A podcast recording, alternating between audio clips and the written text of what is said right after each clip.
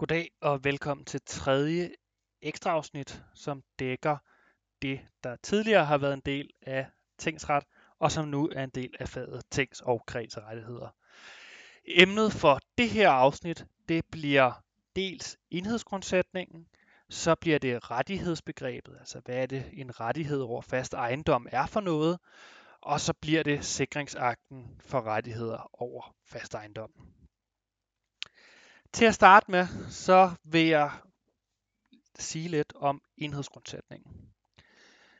I det afsnit, der lige har været, altså afsnit 2, der snakkede vi om, at en fast ejendom, det er et jordstykke.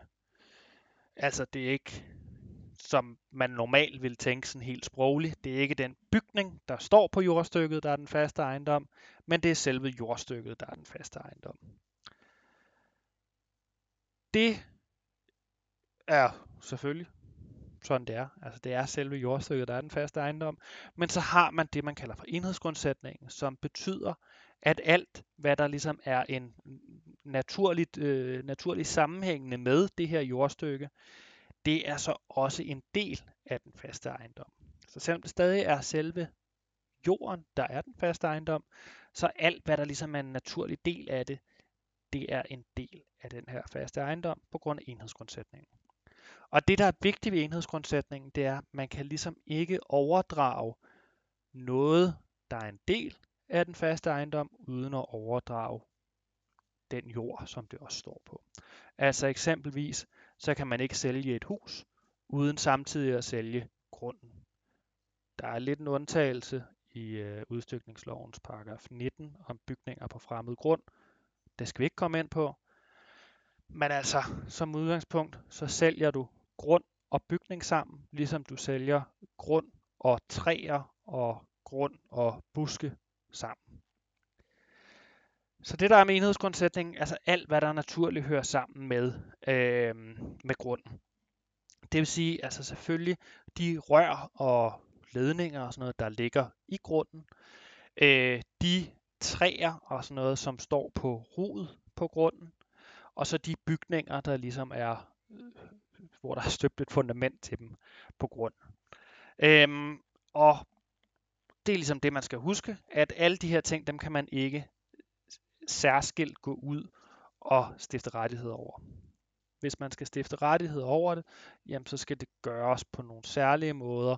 Øhm, enten ved, at man stifter en rettighed over øh, hele den faste, faste ejendom, altså det her grundstykke, jordstykke, eller ved, at man laver det, der hedder en servitut. Så med de ord, altså enhedsgrundsætningen, øh, som er vigtig at holde sig for øje, så lad os gå videre til det øh, tingsretlige rettighedsbegreb set i forhold til fast ejendom. Der er dele af det her rettighedsbegreb, som er så at sige ganske enkelt. Altså selvfølgelig så kan det være en rettighed over fast ejendom, at man ejer den. Det vil sige, at man har adkomst til den. Så kan det være en rettighed over fast ejendom, at man har sikkerhed i den, altså man har pant. Øhm, men derudover så er der nogle lidt mere, skal vi sige, sådan fluffy rettigheder over fast ejendom. Og der er nogle af de her rettigheder, hvor man skal jagte en sikringsakt. Sikringsakten kan jeg godt afsløre allerede nu, at det er tinglysning. Øh, men der er nogen, hvor man skal jagte en sikringsakt, og så er der andre, hvor man ikke skal. Og det, der er med rettigheder over fast ejendom, det er, at det skal først og fremmest vedrøre en fast ejendom. Så skal det på en eller anden måde give adgang til noget økonomisk øh, proveny øh, i den øh, faste ejendom. Det er jo det, der blandt andet er, er tilfældet for panterettigheder. Øhm, og ellers så skal det kunne gøres gældende mod mindst én senere ejer af ejendommen. Øhm, og det er det, der er tilfældet for servitutter. Og så kan man sige, jamen hvad pokker er en servitut? Og servitutter, det kan være mange ting. Øh, servitutter er kendetegnet ved, at der er en, der enten skal gøre noget, eller skal tåle noget. Så eksempelvis, så øh, skal min nabo tåle, at jeg har lov til at gå ind over hendes grund, øh, der har jeg en vejret ind igennem hendes have. Øh, på grund af, at man aldrig nogensinde fik lavet en, øh, en reel brandvej ind til mit hjem, da man byggede det i 80'erne. Så der er min nabo skal altså tåle, at, at jeg kan gå igennem hendes grund. Så kunne man også have en anden servitut, hvor man skal gøre et eller andet. Det kan eksempelvis være en servitut, øh, hvor at der står, at jeg skal øh, pusse min nabos vinduer. Så vil der stå, den til enhver tid værende ejer af den ejendom, jeg bor i, skal til enhver tid pusse vinduer hos naboejendommen hver øh, den øh, første søndag i måneden, eller noget tilsvarende. Det vil være en ret over fast ejendom, selvom du lyder fuldstændig håbløst, så er det rent faktisk muligt at tinglyse dem. De mere sådan klassiske servitutter, det er øh, dem, hvor at man på en eller anden måde får mulighed for lidt at skal vi sige, ændre på den her enhedsgrundsætning. Fordi som vi sagde før, jamen, altså, man kan jo ikke stifte rettigheder over eksempelvis de træer, der står på en ejendom, eller den jord, der er på ejendommen. Men man kan dog lave en servitut, der giver lov til skovning på en ejendom, altså giver lov til at fælde og sælge de træer, der er. Øh, man kan give øh, lov til grusgravning ved en servitut, altså at man fjerner den jord, øh, der er på ejendommen. Og servitutter, de skal tinglyses, og grund til, at de skal det, det er fordi, at hvis man går ud og køber sådan en ejendom, hvor der er servitutter på, så skal man selvfølgelig kunne gøre sig bekendt med, jamen, hvad pokker er det, der gælder for den her ejendom. Altså, skal jeg pusse naboens vinduer? Skal jeg tåle, at Mathias han går ind igennem min have? Øhm, eller skal jeg tåle, at øh, juletræerne de bliver fældet? Eller at øh, lige pludselig så er der bare et kæmpe hul, fordi der er nogen, der har gravet grus. Alle de her servitutter, de er kendetegnet ved, at der ligesom er en, der er forpligtet, og så er der en, der er påtalberettiget. Og den, der er påtalberettiget, det er den, der kan komme og slå den forpligtede oven i hovedet, hvis man ikke overholder servitutten. Så hvis eksempelvis, at min kære nabo Marianne, øh, hun skulle øh, sige, at nu måtte jeg ikke længere gå igennem hendes have, jamen så vil Fredensborg Kommune kunne komme ud og sige til hende, fordi det er dem, der er påtalberettet på den her servitut, at jamen det skal du, fordi at det følger af den her servitut, og det er i øvrigt noget brandkrav, at, at Mathias skal kunne gå ind igennem den her have. Så altså, der vil altid være en påtalberettiget.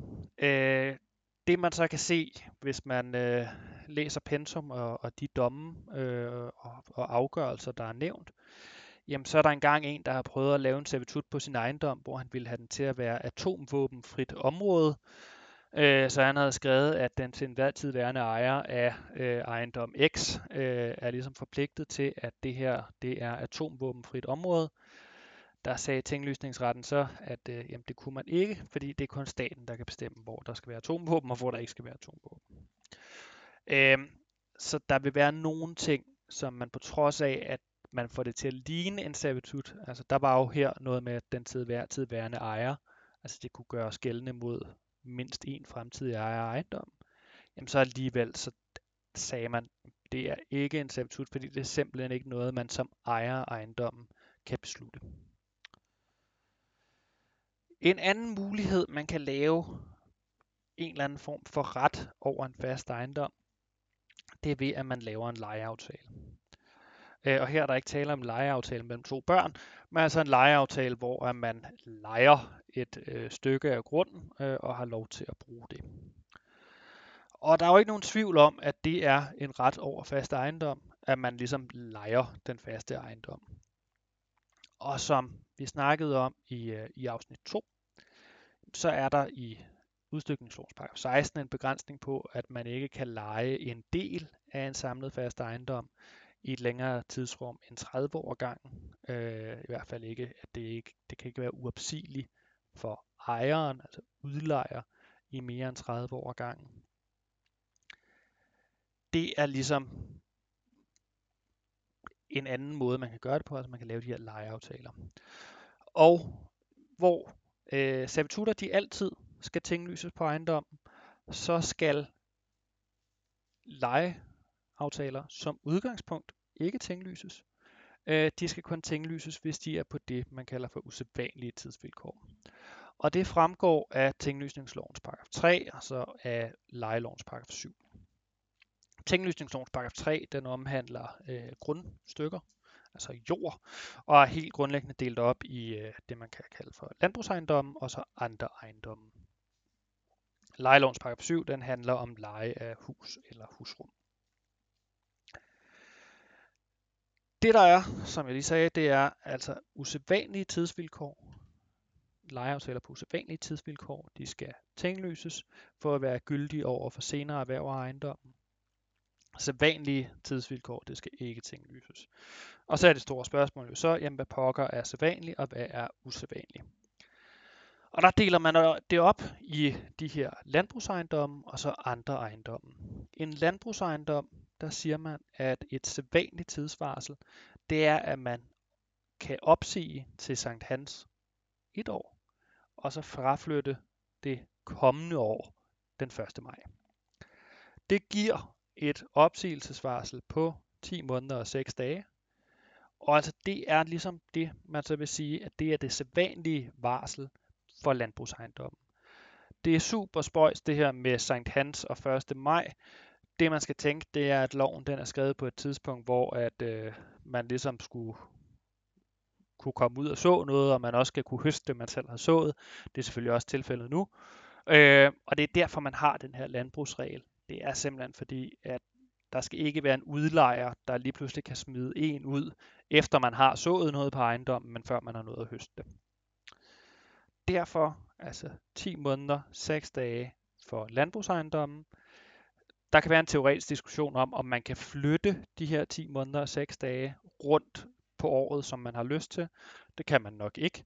Det skal ligesom være sådan, at hvis man gerne vil have et, et andet sædvanligt tidsvarsel, jamen så skal det være, at man kan opsige med et, et kortere varsel end det her øh, Sankt Hans og så 1. maj. Det vil sige eksempelvis, at man så kunne opsige, lad os sige, 1. 9. til fraflytning 1. maj. Det vil være, også være et sædvanligt varsel, fordi det er kortere end, end lovens udgangspunkt. For andre ejendomme, der siger man, at det sædvanlige varsel, det er 6 måneder, og der kan man i modsætning til, til landbrugsejendommene selv bestemme, hvordan man lægger de her 6 måneder. Øh, det eneste er bare, at man altid skal kunne komme ud med 6 måneder, så man kan selvfølgelig ikke sige, at man kun må opsige den, den 1. juni, øh, fordi jamen, det kan jo i nogle tilfælde give et længere opsigelsesvarsel end 6 måneder. Hvis man nu har den øh, 10. Juni, jamen, så vil det give et øh, opsigelsesvarsel på, på næsten et år, og den går selvfølgelig ikke. Så altså, alle lejeaftaler på sædvanlige vilkår, de behøver ikke at blive tinglyst. Ikke nok med, at de ikke behøver, så kan de faktisk slet ikke tinglyses. Lejeaftaler på usædvanlige vilkår, de skal tinglyses for at kunne gøres gældende over for senere erhverver. Og der er det værd at holde sig for øje, at det kun er øh, uopsigelighed for udlejers side, der er en ret over fast ejendom, og det er derfor også kun uopsigelighed for udlejers side, der rent faktisk kan tinglyses. Det bliver relevant, når man snakker øh, gensidigt bebyrdende aftaler i konkurs, altså et af de afsnit, der, der har været om det.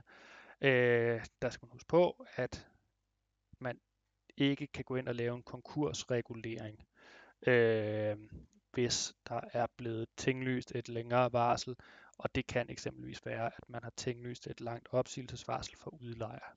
Så skal man finde sig i det. Så, for lige at opsummere, hvad vi har været igennem indtil videre. Enhedsgrundsætningen. Man har det her jordstykke og alt, hvad der naturligt hører sammen med jordstykket. Og så er der mulighed for at stifte rettigheder over fast ejendom. Der er de helt øh, klare, altså man kan eje en fast ejendom, man kan have pant i en fast ejendom. Så er der de lidt mere fluffy, som er blandt andet servitutterne og, og lejeaftalerne. Og når man har en lejeaftale, jamen, så skal man finde ud af, er det på sædvanlige vilkår, eller er det på usædvanlige vilkår. Det, der så er værd at huske på, også når man har lejeaftalerne, det er, at hvis den er på usædvanlige vilkår, altså det er et længere varsel end det, der står i loven, så bør man også lige slå op i udstykningslovens paragraf 16 og finde ud af, jamen er varslet så, så langt, at, øh, at det lige pludselig er længere end 30 år. Fordi hvis det er længere end 30 år, jamen så er aftalen faktisk ugyldig.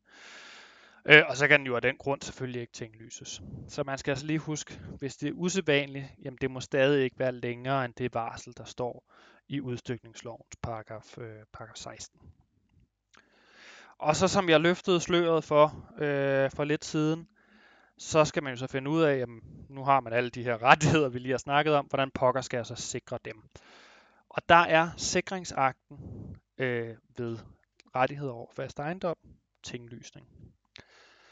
Og tinglysning, det foregår øh, i dagens Danmark digitalt.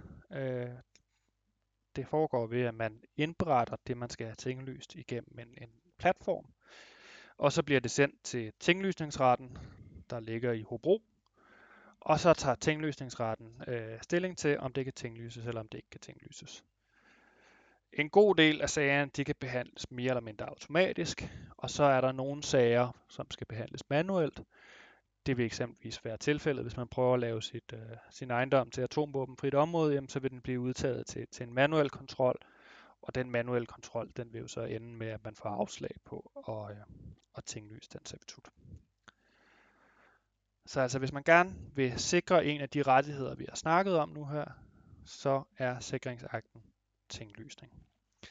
Og øh, hvis man gerne vil, vil, vil se lidt om, om tinglysning, øh, og hvad der er tinglyst måske på en ejendom, man kender eller sådan noget, så kan man altid gå ind på tinglysning.dk, og derinde, der øh, kan man se, jamen, hvad er der tinglyste servitutter på, på de ejendomme, man, man kan søge frem. Øh, og man kan også se, hvad er der er pant på forskellige ejendomme.